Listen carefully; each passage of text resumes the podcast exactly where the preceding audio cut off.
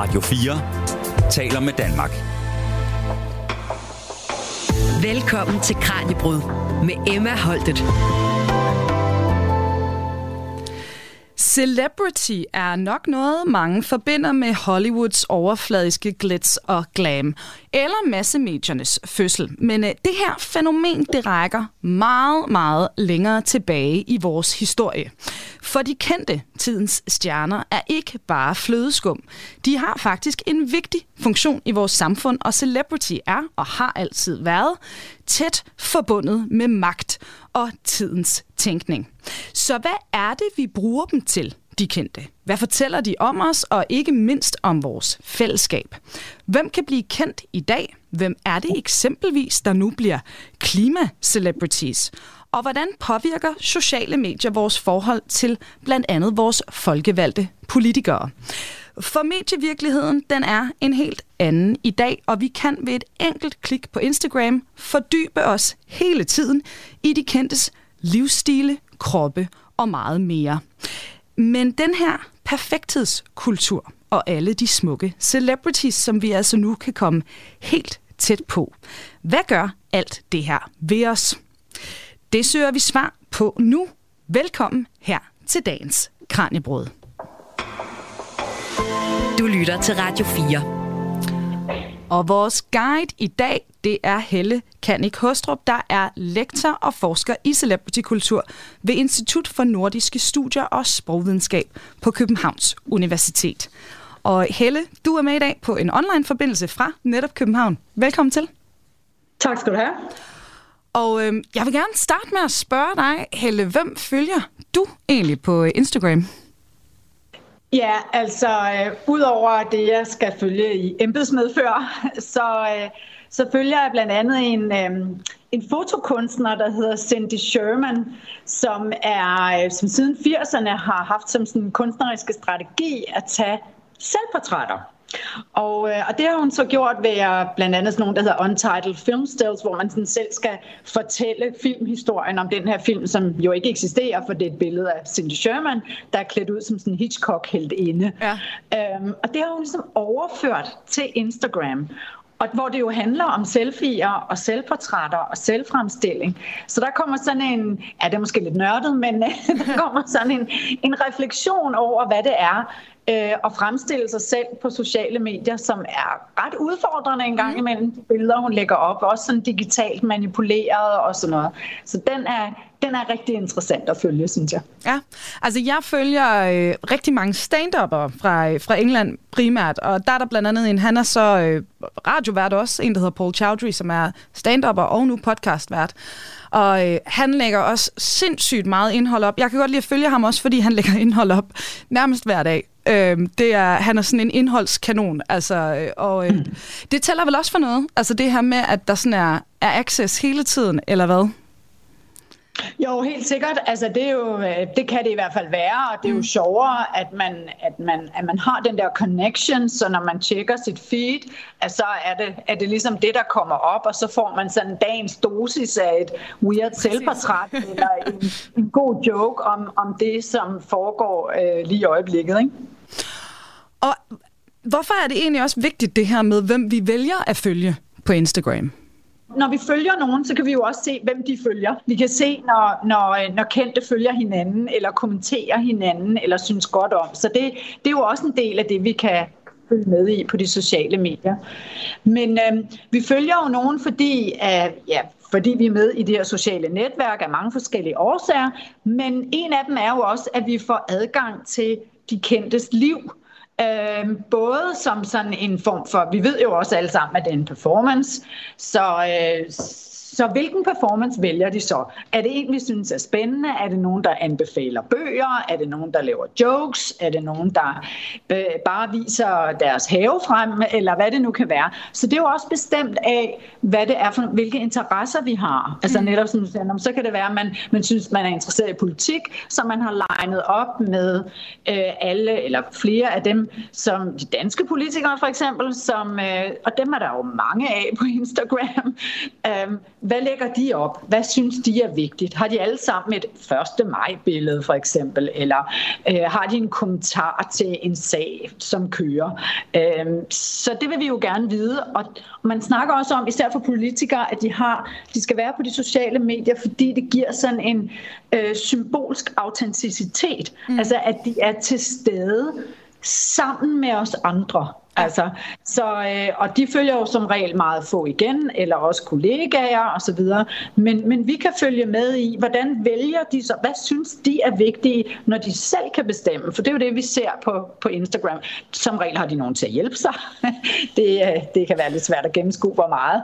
Det er øh, deres øh, personale, var jeg ved at sige, deres staff, som ligesom er inde og, og sætte det. Men, men når det fungerer godt, så, så rammer dem, der øh, kuraterer, så det, for det er jo virkelig det, man gør, nøje vælger ud, hvad der skal på, så, øh, så hvis det fungerer, så rammer de jo en tone, mm. altså for, for Lars Lykke eller Mette Frederiksen eller sådan noget. Så vi, så vi forbinder det med dem, og, og, og det er deres valg, at de, at de står og laver unboxing af en brunsviger, øh, som Mette Frederiksen har gjort for nylig og sådan noget. Ikke? Det er nok ikke lige Mette Frederiksen, der har fundet på det. Ej. Det er der nok nogen, der har hjulpet hende med. Ikke? Og det her med politikerne, det, det har jo også lovet lytterne, at det, det dykker vi altså mere ned i i løbet af programmet. Ja. Dem vender vi tilbage til. Lige her til en start, så vil jeg gerne stille dig et af de helt store spørgsmål, Helle. Altså, hvor meget betyder celebrities i vores hverdag? Kan vi, kan vi sætte nogle ord på, hvor meget de egentlig fylder? Altså? Jamen altså, hvis vi forstår celebrity-kultur i den brede forstand, så handler det om de personer, der er offentlige, og som øh, vi har adgang til, for eksempel via de sociale medier eller medier i det hele taget. Det er dem, vi møder øh, øh, i vores feed. Det er dem, vi selv vælger at følge. Det er dem, vi ser, hvis vi ser tv øh, eller læser avis, om det er online eller ej. Så er det dem, som har bestemmer retningen for vores land. Det er for eksempel politikerne, men det er jo også kulturpersonligheder. Det er forfatteren til den bog, vi er i gang med at læse. Det er den film, vi lige har set. Det er den øh, videnskabelige opdel, opdagelse, som får en Nobelpris. Øh, det er jo også et celebrity-system, og det er det her med, at, at vi godt kan lide den individuelle præstation, den individuelle succes og noget at lykkes med noget. Mm. Så øh, det, det kan man sige er i virkeligheden inden for alle samfundets områder, om det er politik, videnskab, kultur, øh, sport osv. Det, øh, der kan vi finde celebrity-kulturen. Der fejrer vi dem, der når helt til tops. Mm. Og, og hvad er det, vi, vi bruger dem til, altså henholdsvis som enkeltpersoner, men også, kan man sige, som gruppe eller samfund? Ja, altså på den, i, i samfundsperspektivet, så fortæller det jo noget om, hvilken tid vi er i. Øh, det vil sige, at når Øh, når man kigger tilbage, så kan vi se 50'erne, så står der sådan fra Hollywood, så er det James Dean, og, eller 50'erne, 60'erne, men James Dean og Marilyn Monroe. Det var et bestemt kvindeideal, det var en ungdomskultur, der var parat til at gå i full on, og det blev det jo endnu mere i 60'erne. Mm. Så det er sådan nogle tegn i tiden, der fortæller os, hvor er vi på vej hen. Fordi det er jo noget, vi er fælles om. Det er noget, som vi, og vi kan jo også godt have dem. Altså vi behøver ikke alle sammen synes, at de er helt fantastiske. Mm. Øh, man kan jo også se på sådan kontroversielle politikere som Putin og Bolsonaro og hvem der ellers er, som, som er nogen, de er jo også udtryk for vores tid på godt og ondt, øh, som nogen, der bruger politik på en bestemt måde og sætter sig igennem med deres øh, dagsordner. Mm. Og i forhold til øh, det her fænomen, så er der en, der hedder Andreas Rekvits, som jeg ved, at du, øh, du synes, vi lige skulle fremhæve. Vil du ikke lige sætte nogle ord på, hvem han er? Jo, men det er jo en, en tysk sociolog, som er interessant, fordi at hans teoretiseren over, hvordan vi som individer kan man sige, fortæller vores historie og ser os selv som en del af et større fællesskab. Det handler i virkeligheden, underligt nok, om at være unik. Mm. Altså om at være, han, han kalder det for singulariteternes samfund, og det er jo en sådan lidt, lidt svær gabe over, men, men det handler om, at, at, at vi i virkeligheden værdsætter det at være unik og succesfuld meget, meget højt. Øh, og det er der jo rigtig mange, eller det er der rigtig mange, som, som ikke kan se sig selv i, og det kan jo være meget frustrerende, men der er jo også dem, som, som lykkes med det, og det er jo blandt andet det, vi kan se på de sociale medier, at det her med at være en succes og lykkes, øh, at være unik og særlig, at det, øh, det har en meget høj værdi. Og øh, måske er der også en omkostning ved, ved den her tankegang, og det øh, vender vi tilbage til senere i, i programmet. Øh, hvis vi lige tager den tilbage til sådan samfundsplan, altså i dag, hvor, hvor stor indvirkning vil du sige, celebrity-fænomenet har på den måde, vi skruer tingene sammen, og, og de ting, vi gør? Altså. Altså, jeg synes sådan set, at det sætter sig igennem rigtig mange steder. Øh, vi kan jo godt lide den der øh, historie om, at den, der kommer fra ingenting og gør det til en stor og bliver meget succesfuld, altså det her med at lykkes med ting og vise, at man har succes. Og hvordan viser man det? Jamen det viser man for eksempel ved at få en pris, ved at blive øh, medieret, kan man sige, mm. på en bestemt måde. Vi kender den røde løber, man får en pris, man, bliver, man vinder, man vinder et valg, man vinder en, en, en pris for noget, eller på den måde er det jo sådan en valorisering, vi sætter ind. Og man kan jo tage øh, litteraturen som et eksempel. Der er det for eksempel øh, vigtigt at øh, for nogen, at det er Obamas læseliste, og så kan man så læse de her bøger, som Obama har læst. Det havde selvfølgelig større værdi, da han var præsident, men nu laver han sådan jo andre ting. Men det er jo også en værdi for andre, at øh, for eksempel at være med på BookTok, altså at det, det bliver anbefalet en god forfatter der, Mm. Og så en forfatter, som er blevet anbefalet som det her young adult genre, så bliver hun jo en en celebrity, fordi der er rigtig mange, der følger med i det. Så det er jo også bundet til konkrete, for eksempel konkrete værker, konkrete romaner, mm. men også en form for anbefaling. Det samme gælder også med kulturkritik. Hvordan øh, har den fået en god anmeldelse? Ja, men politikken anmelder den rigtig godt, og det kan jo så være, det er Jes Stein, men det kan også være, det er en anden fra en anden avis. Så vi har også noget med journalister, der kan være celebrities og har troværdighed.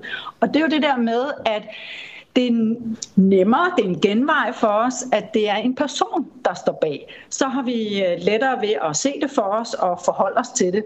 Det er enten noget, vi kan identificere os med, eller noget, vi respekterer, fordi de har en god track record. Det gælder både altså alle former for celebrities, mm. at det er nogen, som har gjort en forskel på en eller anden måde. Det behøver jo ikke kun at være reality-stjerner øh, og hvad skal man sige, kendte og kongelige på den led, på den tabloide øh, måde. Det er selvfølgelig også vigtigt, og det er også en del af det, mm. men det er jo langt fra det, som, øh, som jeg synes er det interessante ved celebrity-kultur, fordi jeg, jeg kan se det øh, i, i så mange strukturer, både inden for politik og kultur og kunst og sport og så videre. Og i forhold til det, altså hvordan sætter du grænsen for hvad du definerer som en celebrity. Det kan jo altså, som du siger, netop opstå i, i alle arenaer, ikke? fra politik til, til reality-tv, ikke? Jo, og, det, og man kan sige, at den, den sådan enkle måde at sige det på, det er, at man ikke kun er kendt for det professionelle, men også det personlige, eller det, mm. både det private og det offentlige, bliver en del af fortællingen om, hvem man er. Ja. Øhm, og øh, ja, det er sådan den korte version. Altså snart man også begynder at tænke, nå, men hvad er din familie egentlig for nogen, og hvor bor I henne, og hvad kan du godt lide at spise til morgenmad, og hvorfor synes du, kan virkelig tage et billede ud i din have, og så videre. Så begynder man sådan helt konkret at bevæge sig ind på privatlivets ene marker, ikke? og så, øh, så, det, så er det den historie, man også gerne vil have med, og så begynder det, mm. kan man sige. Og man så bliver global celebrity i sidste ende, det vil tiden jo så vise. Men når de snager i dit privatliv, så har du made it, altså på, på celebrity-skalaen. Ja, ja, sådan. Ja, ja. det kan man godt sige. og, og, og kan vi lave nogle kategorier, altså i forhold til, hvor mange former eller forskellige typer celebrities, der findes? Ja, altså man kan, øh, der er en øh, teoretiker, der hedder Chris Rojek, der har lavet sådan en grundopdeling i øvrigt, øh, sådan, som, som, som ligesom er, er tredelt, hvor den grundlæggende er, at man har arvet, man har ligesom arvet berømmelsen, og det er jo i virkeligheden den, den ældste form for celebrity, ikke? altså at man, øh, dronning Margrethe og kronprins Frederik, den eneste grund til, at vi synes, at øh, Frederik der er spændende, det er jo fordi hans mor er Margrethe, og så kan vi så ligesom følge linjen stort set, altså der er selvfølgelig nogle afvielser undervejs, men blodets bånd øh, gør, ja. og det er jo også det adelen og så videre. Det er magt, det er arvet magt, og det er også en legitimering af det. Mm. Så, øh, så, og vi ser det jo også i, i politik mm. til, til dels, i, i sådan mindre udgaver. Ikke? Trump er selvfølgelig det ultimative eksempel med at sætte sin, sin datter ind som, som øh, ligesom i regeringen og have en professionel politisk position, som hun absolut ingen erfaring havde med overhovedet. sådan en ren uh, nepo baby. Ikke? Ja. Men, uh, og, og der kan man sige, der, det er jo så der, man begynder at stille spørgsmål. Ikke? Men det var den ene, mm. med, hvor man kan arve det. Og den anden, det er der, hvor man er celebrity på merit. Altså at man på en måde har gjort sig fortjent til at være en celebrity. Altså at man er super dygtig til at spille et instrument, eller dyrke en sport, eller øh, være popsanger, eller være øh, kunstner, eller være øh, forfatter. Øh, det kan være inden for alle mulige forskellige videnskabsfolk og, og så videre, politikere så har man gjort sig fortjent til det. Altså mm. man har arbejdet for det, og så kan man sige, så er det noget, der kommer med. Øhm, og så er det klart, at hvis man bliver præsident i USA, så ved alle, hvem man er. øhm, og, øhm, og selvfølgelig kan man gå ind og diskutere, hvorvidt den præmis er rimelig, fordi der er mange øh, hvad skal man sige, meget privilegerede mennesker, som, øh, som kommer langt i de samfundsmæssige hierarkier, så det er måske ikke det der med, at alle kan gøre den rejse, men nogen kan, og nogen er mere privilegerede end andre. Den sidste kategori er den, som man kalder sådan mediegenereret øh, berømmelse. Og det er jo sådan noget X-faktor, den store bagdyst øh, og så videre, vinder derfra. Der ved vi jo også sådan lidt, Nå, hvem var det, der vandt der for 3-4 år siden? Ja, det ved vi måske ikke rigtigt, men så er der måske en af dem, der vandt, som ligesom går videre og får en karriere på en anden måde. Måske i nogle tv-programmer på nogle andre tv-stationer, eller øh, får, en, får en karriere. Og så kan det jo godt være, at de ender med at blive celebrity på mm. merit. Mm. Så man kan godt gå frem og tilbage, eller måske ikke tilbage, men man kan i hvert fald godt gå frem og øh, skifte kategori, hvis man ligesom gør sig øh, ekstra umage. Ikke? Altså man kunne sige sådan en som øh, TikTok-stjernen Charlie D'Amelio er jo med alle de her millioner af følgere på TikTok, var jo i starten bare en, der syntes, det var sjov at danse, mm. øh, og så selvfølgelig fandt ud af at, at spille kortene rigtigt i forhold til algoritmen og nogle forskellige andre ting, øh, at, at gøre de rigtige ting på de rigtige tidspunkter, og så kan man sige, slå hun al, for alvor igennem. Og nu ved vi, vi, der ikke nødvendigvis er på TikTok, eller har hørt om hende, fordi hun er blevet så kendt, fordi hun havde så mange følgere. Så går hun over til at måske mere at kunne kaldes en celebrity på merit. Ja, og jeg bliver lige nødt til at spørge ind til, for nu nævnte du uh, Nippo Babies, og de er jo en kategori, der i hvert fald har været meget op i medierne på, på det sidste. Altså yeah. de her børn af berømtheder, særligt i USA. Ikke? Øh, altså, hvor, hvor ligger de henne? Fordi på den ene side er det vel et eller andet privilegie, man arver, men de er også tit nogen, der bliver kastet ind i alle mulige medievirkeligheder, hvor de også bliver berømte, altså tit igennem noget reality eller et eller andet? Ja, men altså, man kan sige, det er jo sådan egentlig den her arvede berømmelse, mm. som de så på en eller anden måde skal finde ud af, hvad de gør med. Og, og der, hvor kritikken kommer ind, det er øh, som regel der, hvor at man, man som øh, læser eller øh, følger eller på sociale medier, når man sætter sig ind i det, så, øh, så handler det om, at de ikke rigtig anerkender, at de har fået en sølvske i munden, mm. vil man sige på dansk. Ikke? At de ikke anerkender, at de har fået en forlomme til at og adgang og kulturel kapital, om man vil, til ligesom at begå sig i, i underholdningsbranchen, mm. hvis det er det, vi snakker om. Ikke? Øhm, og, og på den måde er det jo altså meget, meget naturligt, at man godt vil lave det samme som mor og far. Det er der jo rigtig mange børn, der gerne vil. Øh, pointen er her, at de ligesom får en, de springer køen over ja. øh, og får nogle særlige muligheder. Og det, de ikke anerkender, at de gør det, har været genstand for kritik. Ikke? Mm. Øhm, og så er der jo også mange, der det ikke lykkes for, altså, og som slet ikke går den vej, og så vil de ikke være film. Altså det er jo det der med, at en filmstjerne og de meget, meget kendte øh, Johnny Depp eller øh, Will Smith, eller nogle af dem, som hvis børn sådan forsøger at, at skabe sig en karriere inden for underholdningsbranchen, de er jo meget øh, næsten globale brands, som, som rigtig mange kender. Og det er jo også okay bare at være skuespiller. Men det er jo svært, når man bliver holdt op imod, øh, altid vil blive sammenlignet mm. med, sin, med sin far, for eksempel. Ikke? Okay. Så, øh, så det er et spørgsmål om, hvordan man takler det, om man virkelig vil være i den samme branche, eller om, om man så tænker, når man, jeg går måske bag kameraet, jeg skriver manuskripter og så videre, og så er der som regel en anden form for for respekt omkring det. Det har vi set med Sofia Coppola, et eksempel på mm. det. Ikke?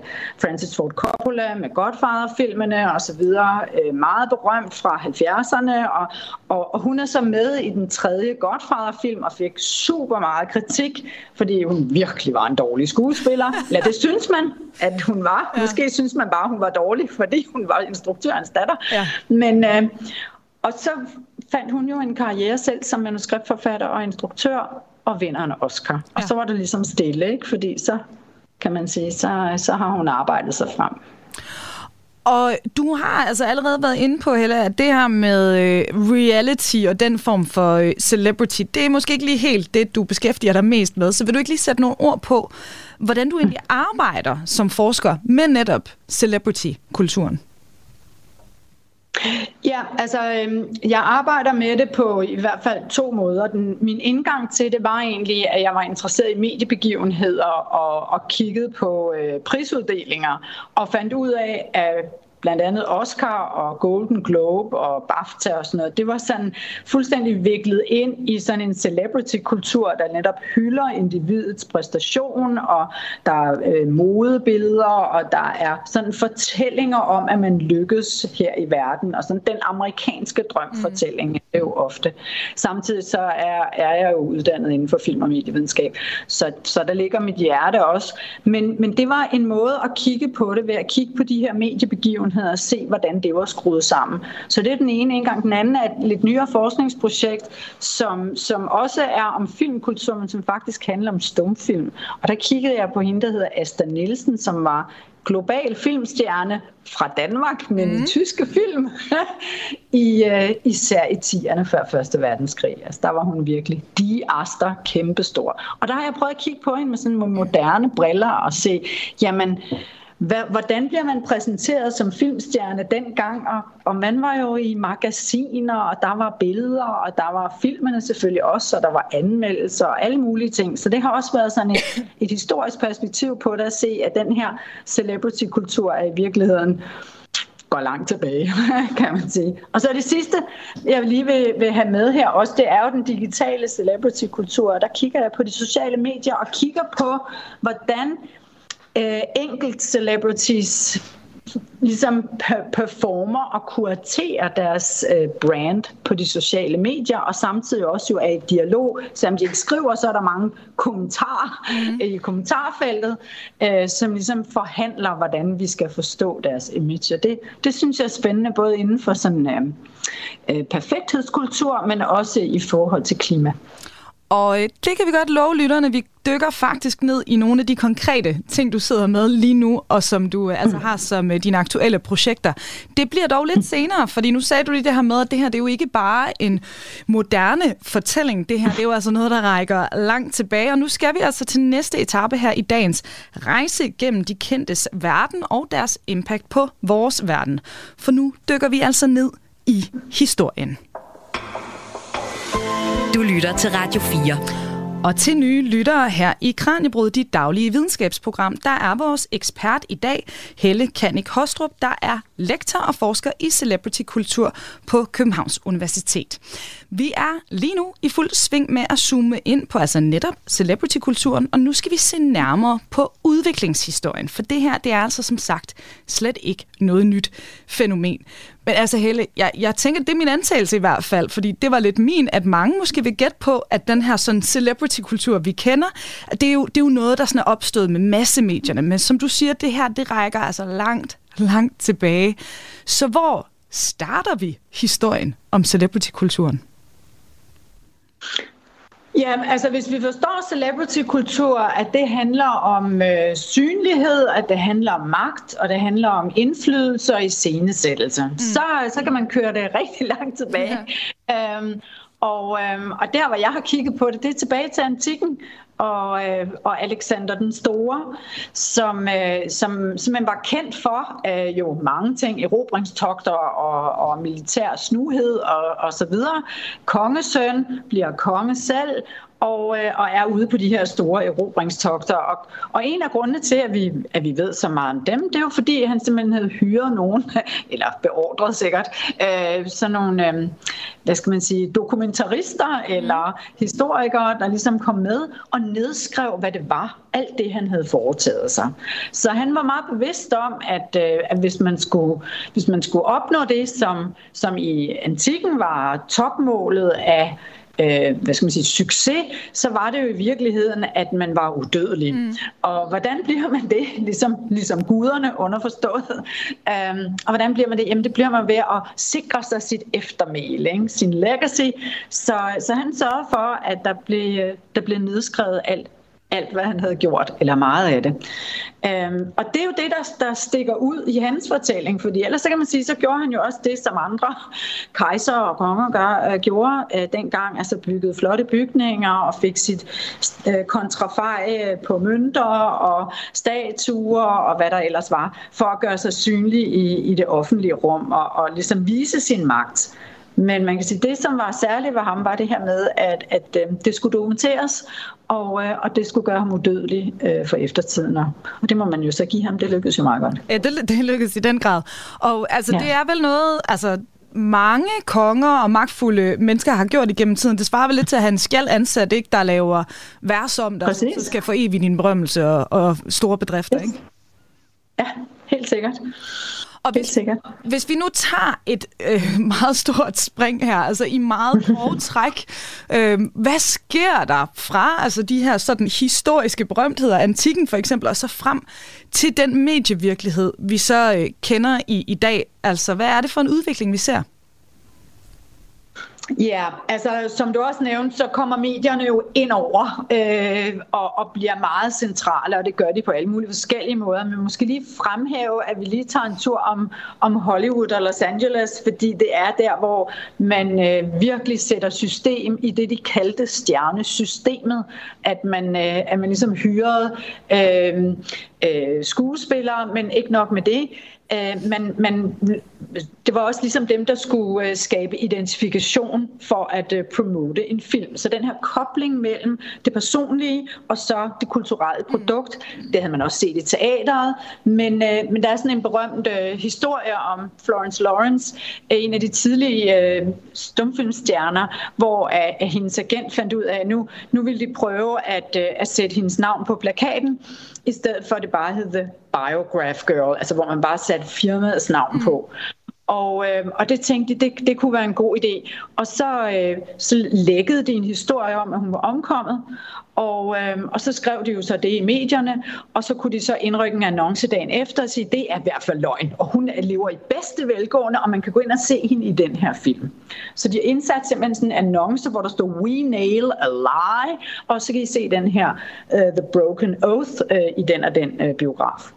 Så den der kobling mellem at skabe opmærksomhed, bruge flere medier, øh, en lille løgnhistorie, og så havde man, øh, som man ser, Stars Born. Så det er jo sådan en fortælling om det her med det personlige, mm. og på den måde kan man jo godt hive en linje frem til sociale medier og sige, at det er jo sådan set også det, der sker der. Nu har kendte og almindelige mennesker øh, fået den der genvej til, at man selv kan vælge sin selvpræsentation på sin profil. Og det ser vi jo også med filmstjerner, at så vælger de den historie, de gerne vil vise, det image, de gerne vil se, om det er hjemme i den store villa, eller om det er mere modetøj, eller om de er interesseret i litteratur, eller har en bogklub, eller deres nyeste aftale med et modefirma.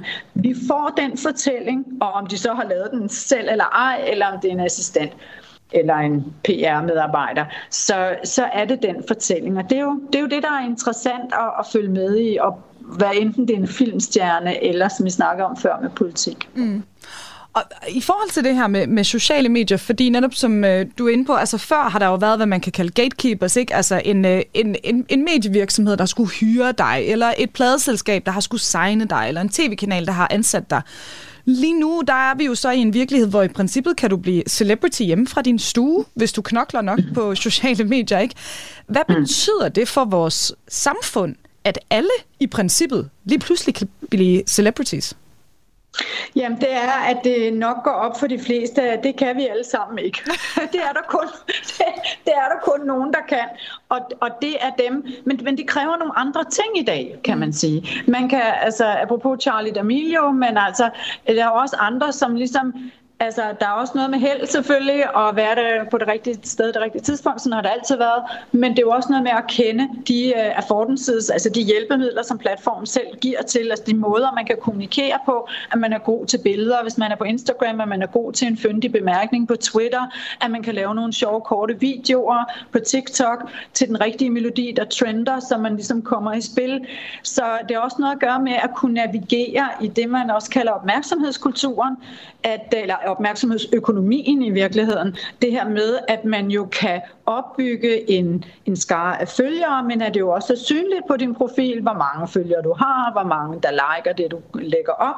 Og på den måde kan du som et almindeligt menneske i princippet skabe dig en karriere på de sociale medier. Om du bliver en rigtig celebrity, der også, om man så må sige, er på andre sociale medier, som også bliver opsøgt af legacy-medier, altså de traditionelle medier i aviser og tv og radio, øh, det vil tiden jo vise, men det er jo den vej, det går. Så der er på den ene side, ja, alle kan blive en celebrity, og så nej, det kan alle ikke, fordi så var det jo ikke så var det jo ikke noget at være en celebrity, hvis alle kunne være det.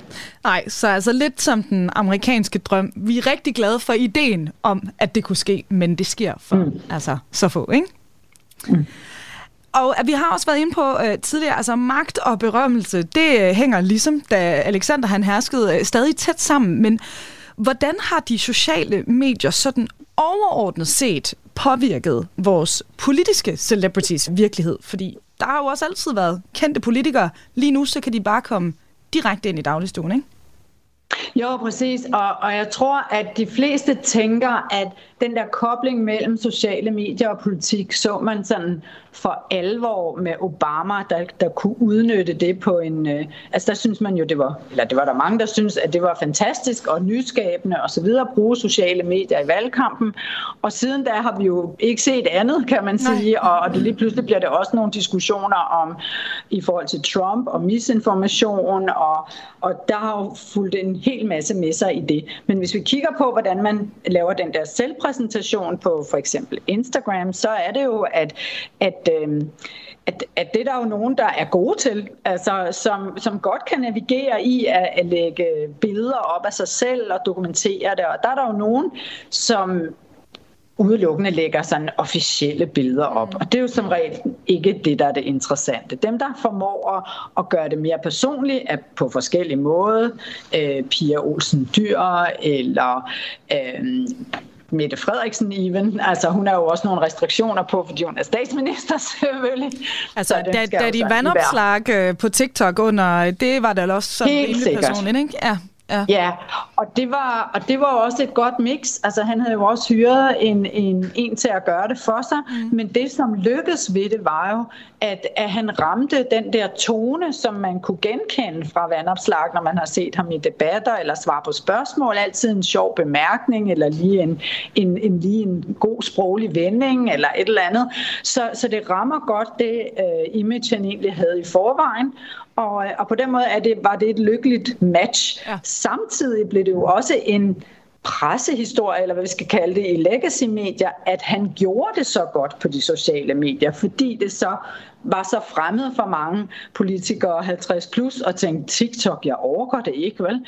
Øh, så, eller hvad de nu har tænkt, det ved jeg jo selvfølgelig ikke. Det må jeg straks sige, det ved jeg ikke noget om. Men de var der ikke særlig meget i valgkampen. Men, men pointen er at have den der tæft og få en, en, igen også i virkeligheden en symbolsk autoritet i at kunne navigere i et moderne samfund. Mm. Så kommer det også til at være en del af fortællingen. Ikke? Og det havde han jo vældig held med i Vandopslag. Det, øh, det må man sige, og ja, vi kan øh, nok øh, love lytterne, at vi helt sikkert kommer til også at snakke om lidt flere politikere lige om lidt, fordi nu skal vi nemlig dykke ned i Helles aktuelle forskning, og hertil også, hvad den direkte adgang til de kendtes liv gennem sociale medier og den her tilhørende perfekthedskultur, den må egentlig gør ved os. Du lytter til Radio 4. Og til dig, der er kommet til undervejs, her i dagens Kranjebrud, dit daglige videnskabsprogram, der zoomer vi ind på celebrity-kulturen. Derfor har vi Helle Kanik Hostrup med på en forbindelse fra København. Helle er lektor og forsker i netop celebrity-kultur. Og Helle, nu øh, skal vi som sagt se på noget af det, du sidder med sådan lige nu. Og et af de aktuelle fænomener, du kigger på, det er klima-celebrities. Og det siger måske sig selv, at selvfølgelig, det burde jo være et fænomen i vores samfund i dag. Men, men hvem er de? Altså, hvem er klima-celebrities? Ja, men det var, jeg, synes, det var, jeg synes, det var spændende det her med, at, at der er mange forskellige fortællinger på de sociale medier, og, øh, og mange forskellige celebrities, der, der godt øh, vil have en krog i, og, og også at sige noget pænt om klima. Og så tænker jeg, at vi vil egentlig godt kigge på nogle typer af celebrities, som sådan systematisk havde klima som deres hovedfokus. Og, øh, og så kiggede jeg så på en politiker, og det var så daværende klimaminister, Dan Jørgensen, han hedder noget andet nu, men, øh, eller han har en anden titel nu, tror jeg det er global klimaminister. Øhm, og, øhm, og han var jo meget strategisk i sin kommunikation øh, og skulle selvfølgelig dokumentere det, som øh, regeringen havde gennemført, at, øh, og også mange forskellige rapporter fik vi øh, ligesom præsenteret, men vi fik også et, et indblik i, i, øh, i privaten, Øhm, så, så når han var i sommerhus og skulle sidde og, og tale med CNN og udtale sig øh, med på en ølkasse og, og, øh, og med solskin og i shorts og sådan noget, så vi så sådan et, et backstage-billede af ham, øh, hvor han så ja, deltog for Danmark i de globale medier, ikke, som CNN jo repræsenterer. Og så så vi jo også, at der var biodiversitet, og så slipper man for at slå græsset og sådan noget. Så der var sådan lidt, lidt humor og lidt klima. Øh, vi så ikke så mange billeder af alle de der øh, flyrejser, som han helt sikkert har taget for at snakke med øh, amerikanske politikere eller politikere i Indien. De var så ikke med på profilen. Så, så det fortæller jo både en historie, hvad man vælger ud, det man mm. kuraterer og, og fremstiller, eller den performance, man lægger ud, men også det, der ikke er der. Så det var den ene type. De to andre, det var aktivister og influencer. Og aktivister siger måske sig selv, at Nå, ja, men de vil jo gerne ud med deres budskab og, og ligesom, øh, ligesom har nogle krav om, at der er det er de systemiske hvad skal man sige, forhindringer, der skal ryddes af vejen, og, og politikerne skal gøre noget mere. Men der var der jo også nogle af dem, som, som sådan stod frem og sagde, at vi har faktisk klimaangst øh, eller klimafrygt, mm. og øh, fordi frygten er jo egentlig baseret på, på videnskab. Det er ikke en irrationel angst, men det er en, en frygt for, at man er jo, det er jo ofte unge, unge mennesker, unge studerende, som er dem, der skal overtage øh, kloden. Og, øh, og de finder så ligesom sammen i fællesskaber, og på den måde øh, altså organiserer sig, demonstrerer, og på den måde er en fortælling om, at man kan komme ud af klimaangsten, ved at arbejde for, at der bliver gjort noget mere politisk. Mm. Og så er der influenceren, som er i en kategori for sig, hvor man tænker, grundlæggende så handler, hvis man skal gøre noget godt for klimaet, så skal man jo nedsætte sit forbrug. Og vi forbinder ja. influencer med nogen, der siger, du skal købe den her, fordi, eller på en, på en selvfølgelig lækker og stilfuld måde, men, men siger, køb det her, ja. det, som jeg har på, og jeg har en aftale, og I kan vinde, og der er en konkurrence osv. Men, men der er også øh, klimainfluencer, som egentlig stikker en kæppe i hjulet og siger, Jamen, hvis du skal købe noget, så øh, køb genbrugstøj. Og der have det sjovt med det. Øh, lav noget lækker mad. Lav noget vegansk mad. Øh, prøv at leve zero waste, hvis du kan. Det er okay, hvis du ikke kan gøre det hele tiden, bare du kan gøre det noget af tiden. Mm. Altså, der er en utrolig sådan, øh, optimistisk, øh, sådan, stærk brug af følelser, men det er meget optimistisk og sådan øh, støttende og øh, inviterende og i virkeligheden inspirerende øh, vil de gerne virke i hvert fald, og, og, og godt humør hele vejen. Ikke? Altså ja. der er ikke skyggen af klimafrygt eller klimaangst. Der er heller ikke politiske rapporter øh, fra klimapanelet eller noget, og de er ikke ude at demonstrere. Så på den måde er man kan ikke sige, at det politiske er væk, men det er ikke særlig tydeligt hos influencerne, hvor det selvfølgelig er omdrejningspunktet både for aktivister og politikere.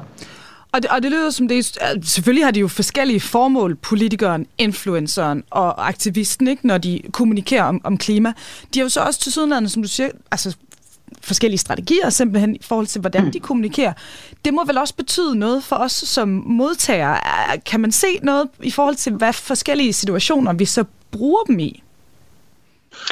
Jamen altså, man kan sige, det, det, det, øh, det som man kan se at brug, det er jo meget konkret i forhold til influenceren for eksempel, mm. at, at man får nogle gode tips til noget, at man synes, at det er noget, man kan anvende. Så det kan man jo det kan man se i kommentarfeltet. Det er meget konkret, hvor man kan, hvor man kan tage derhen og spise, eller man kan købe de der økologiske grøntsager, eller man kan købe det her øh, vintage fashion mm. og, og så videre. Og så er det jo også sådan en det man også kan bruge det til, altså det er sådan meget konkret, men det man også kan bruge det til er jo også sådan en, en inspirerende fortælling. Altså en af de influencer, jeg kiggede på, var, sagde at jeg har været modeinfluencer, jeg fandt ud af, at det gav simpelthen ikke mening. Altså, jeg blev nødt til at leve på en anden måde, så det blev sådan en historie om, at hun ligesom så lyset øh, øh, og, og gerne ville redefinere den måde, hun levede på. Og, og det har hun så gjort til en karriere, hvor hun så også promoter øh, øh, hvad skal man sige, produkter, som gør det nemmere at leve bæredygtigt. Mm. Altså, så der er stadigvæk et, en økonomi, som skal fungere, ja. nogle foredrag, der skal holdes, nogle bøger, der skal skrives osv. Så, videre. så det kommer vi ikke udenom. Men, øh, men det er en anden form for økonomi. Ja. Så det er et forsøg på ligesom at skubbe det her forbrug hen i en anden retning. Og du beskæftiger dig også lige nu med øh, en klassisk celebrity-kategori, Helle, nemlig filmstjernerne. Mm. Hvordan er det, de så bruger Instagram lige nu, i forhold til det her med at skabe deres image? Ja, men det, det er jo lidt sjovt, fordi i starten, øh, eller i starten, men altså, øh, der, nu er det sådan, at hvis man er en stor filmstjerne, så skal man være på Instagram. Mm. Apropos det der med autenticitet. Så nu er Angelina Jolie og Julia Roberts også på Instagram. øh, de bruger det meget forskelligt. Men, men en af dem, som jeg synes var, var sjov at kigge på, er, er Michelle Yeoh, som er hende, der spiller hovedrollen i Everything, Everywhere, All at Once. Øh, Oscar-filmen, øh, hvor hun øh, jo blandt andet spiller sammen med Jamie Lee Curtis, som vi kender fra øh, Halloween-filmene. Og, og Michelle Yeoh er jo sådan... Øh, i forhold til Hollywood-standarder jo godt op i årene. Øh, jeg tror lige, hun er omkring 60 eller sådan noget, og øh, par 60. Og, og hun og har jo ligesom mødt muren, øh, eller glasloftet, mm. eller hvad man skal sige, fordi hun blev jo ikke hyret. Hun havde faktisk ikke rigtig en karriere. Hun, blev, hun var med i den, der hed Crazy Rich Asians, som nogen måske kan huske. øh, men, øh, men, og ellers har hun jo været med i Ang Lees øh, film, og sådan mere kunstneriske film. Hun har også været øh, pigen i James Bond for mange år siden. Så hun, øh, hun har haft en lang karriere, men, øh, men hun kunne ikke rigtig slå igennem i Hollywood. Og det bliver så, da hun så øh, vinder den her Oscar, og øh, række priser op til Oscar-uddelingen også, så kunne man kunne følge på, på øh, Instagram simpelthen, hvordan, altså selvfølgelig er hun meget taknemmelig og rigtig mange sjove billeder og sådan noget fra alle de her fester, hun har været med til, men det bliver også en fortælling om at komme igen. Det bliver sådan en, en, en form for gennembruds- eller comeback-historie, altså en underdog, som ikke kunne hyres til noget, til at hun står der og får den største ære. Og hun bruger, hele, hun bruger ofte også interviews, og også på sin post, sådan a seat at the table. Mm. Nu har jeg fået a seat at the table. Så det bliver også sådan en, det bliver en historie om diversitet, om aldersdiskrimination, om kønsdiskrimination, om racediskrimination. Så en meget, meget positiv historie om, at man kom kom igen. Og det galt jo så også for to andre skuespillere fra filmen, både Jamie Lee Curtis og, og ham, vi kender fra Indiana Jones-filmen. Så, øh, så det var jo... Øh, altså, det blev en historie. Det, det er jo det, som, som, øh, som kan lykkes øh, en gang imellem øh, med sådan en, apropos det, vi snakkede om for lidt siden, med, med Oscar, der sådan bliver sådan en mediebegivenhed, og det blev det virkelig i år øh, i forhold til, til, til diversitet og, og en anderledes film, der vandt.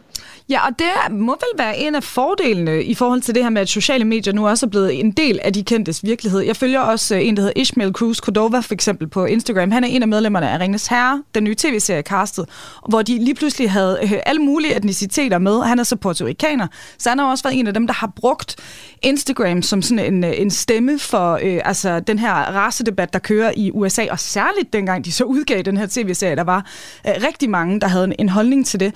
Det giver vel også lige pludselig de der celebrities en mulighed for faktisk at stå på egne ben, og ikke bare være en del af et narrativ, der bliver kørt af et stort mediehus eller noget andet, de, de er underlagt, ikke?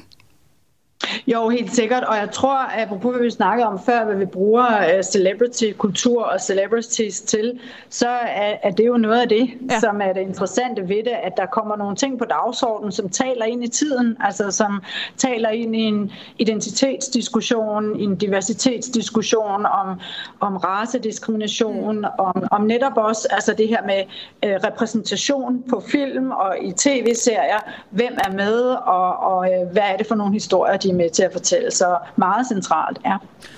Og øh, endelig her til sidst i programmet, der skal vi se nærmere på det her, vi også har været inde på øh, løbende mediepanikken. Fordi vi kan jo altså nu med bare et enkelt klik ind på Instagram ikke fordybe os fuldstændig i kendtes hverdag, deres kroppe og, og så videre. Og den her tilhørende perfekthedskultur, alle de her smukke celebrities, som vi altså nu kan komme sådan helt, helt tæt på. Hvad gør det her ved os, alle? Jamen, altså på den ene side, så er det jo... Øhm så er det, følger vi med i deres øh, liv og levnet og deres øh, profiler, fordi de har succes og fordi de laver noget, der, der interesserer os på forskellige måder. Men vi bliver jo også præsenteret for nogle, nogle kroppe og nogle iscenesættelser, som er ret... Øh, ja, unikke, øh, men, øh, men også som er meget privilegeret og som har en, en, Øh, alle, alle øh, mulige former for hjælpemidler til at komme til at se rigtig godt ud, både på billeder og i virkeligheden. Så det er nogle utrolig privilegerede mennesker, det kan være svært at sammenligne sig med. På den anden side er det jo netop også nogen, som, som synes jeg i de senere år også har været med til at bruge den platform, som de så har på sociale medier, til os at fortælle om, at, at det er ikke altid solen skinner, selvom at, at man er der, hvor græsset er grønnere. Altså at man også kæmper med, øh, det kan jo være anoreksi, eller det kan være psykisk sårbarhed, eller at man er bipolar, eller noget. Vi har jo set en, en række, der, der bruger øh, den her... Øh, platform, som de har til også at, at sige, prøv nu lige at høre, det er, det er faktisk ikke fordi man skal have ondt af dem, mm. men måske snarere for, at, øh, at man synes, at man hænger bedre sammen som person ved også at, at give det fulde billede. Mm. Øhm, sådan en som øh, Selena Gomez, og der er så også lavet en dokumentar. Så igen er det jo filtreret ind i en kommersiel dagsorden, men samtidig bliver nogle af de her yngre, ofte kvindelige, ofte popsangere, laver den der kombination af at, at fortælle om det på sociale medier og få produceret en øh, dokumentar. Det har vi set rigtig meget på Netflix og også andre steder. Og hvor man ligesom får god tid også til at fortælle sin historie og om, at man, at man har en kronisk sygdom, og det er derfor, man som Lady Gaga for eksempel har aflyst en række koncerter, og så kan man ligesom fortælle, at der er god grund, og man svigter ikke sine mm. fans. Og så, videre. så det er sådan en Altså, det er jo sådan en, en blanding af, at vi synes jo, at de er interessante, fordi vi for eksempel godt kan lide deres musik og deres image og øh, den, den måde, de øh, synger på, eller det, de synger om, øh, det, de repræsenterer. Men, men som regel er der også den der lidt, lidt dybere historie. Det, det, ja, det er jo ikke reglen, men altså, det, det er stadigvæk det er ved at komme lidt mere frem. Det er mere legitimt også at, at sige, at man måske ja, kan fortælle det her om, at man at man også har nogle problemer. Og i forhold til det her, for lige at runde af, Helle, altså er der noget, jeg ved godt, det er svært at forudsige i fremtiden, og jeg ved, at forskere især altid plejer at, være noget forsigtige i forhold til det, men hvis vi kigger på, på de kendte og celebritiesnes brug af, af sociale medier, er der nogle tendenser, øh, vi kan, kan pege på i øjeblikket? Jamen, jeg tror, altså, jeg tror, det her med at, at, at, at ligesom stå ved en form for sårbarhed med, med så forskelligt som det kan være, det tror jeg, vi kommer til at se mere til. Mm. Og det tror jeg både for, altså, og det kan have flere forskellige årsager. Det kan være rent øh, sådan kommercielt, det kan, man ikke, det kan man ikke sige, det ikke er, fordi det er alt sammen en fortælling i forhold til deres image. Men det er også, øh, det har også noget at gøre med, tror jeg, at, øh, at man godt vil fremstå autentisk. Og, øhm, og derfor så hører det med til billedet, at man også viser det, der er mindre fordelagtigt. Og det, og det, har en, og det er egentlig en tråd, man kan trække tilbage, helt tilbage til, til Hollywood i hvert fald. At, øh, at det her med, at, det er, at man er relaterbar, mm. at man at folk kan genkende, Nå, men hun går også igennem en skilsmisse, eller hun har også et problem med svigermor, eller hvad det nu har været. Ikke? Altså det her med, at man kan genkende sig selv i det, fordi ellers så kan man også sige, hvad skal vi så bruge dem til? Ikke? Så, øh, så de skal give os noget, Øhm, og, øh, og så er det klart, at så er det også vigtigt, at vi opretholder, sagde forskeren, den kritiske distance, når vi er på de sociale medier. Altså nu har vi jo lige haft det der Bold Glamour app, ikke? Så øh, man skal huske at kigge på de der ting, og et eller andet sted ved vi det jo godt alle sammen. Så man skal tage, hvad man kan bruge, og så skal man være kritisk over for resten. Det synes jeg simpelthen er nogle kloge ord at øh, slutte af på. Det bliver altså alt for den her celebre omgang af Kranjebrud. Vores ekspert og guide, det har altså været Helle Kanne Hostrup, der er lektor og forsker i celebrity-kultur ved Institut for Nordiske Studier og Sprogvidenskab på Københavns Universitet. Helle, tusind tak, fordi du vil være med. Selv tak. Og øh, til dig, der lytter med, husk nu, vi sender Kranjebrud alle hverdage her på kanalen, så hvis du har en idé til et tema, vi skal tage op, så skriver du som altid bare ind til os på kranjebrud-radio4.dk. Og i morgen, der er det årsdagen for den frie abort. Den har vi nemlig været så heldige at have i 50 år her i Danmark. Men hvordan var det inden da? Dengang vi kvinder ikke selv bestemte over vores kroppe, og hvordan har debatten udviklet sig fra 1960'erne og frem til nu. Det finder vi altså ud af i morgen kl. 12.10. Indtil da, der er der ikke så meget andet tilbage end at sige på genhør her fra Kranjebrudstudiet, og tak fordi du lytter med. Mit navn er Emma Elisabeth Holtet. Programmet er produceret af Videnslyd for Radio 4, og hæng på, for nu er det tid til nyhederne. Du har lyttet til en podcast fra Radio 4. Find flere episoder i vores app, eller der, hvor du lytter til podcast. Radio 4 taler med Danmark.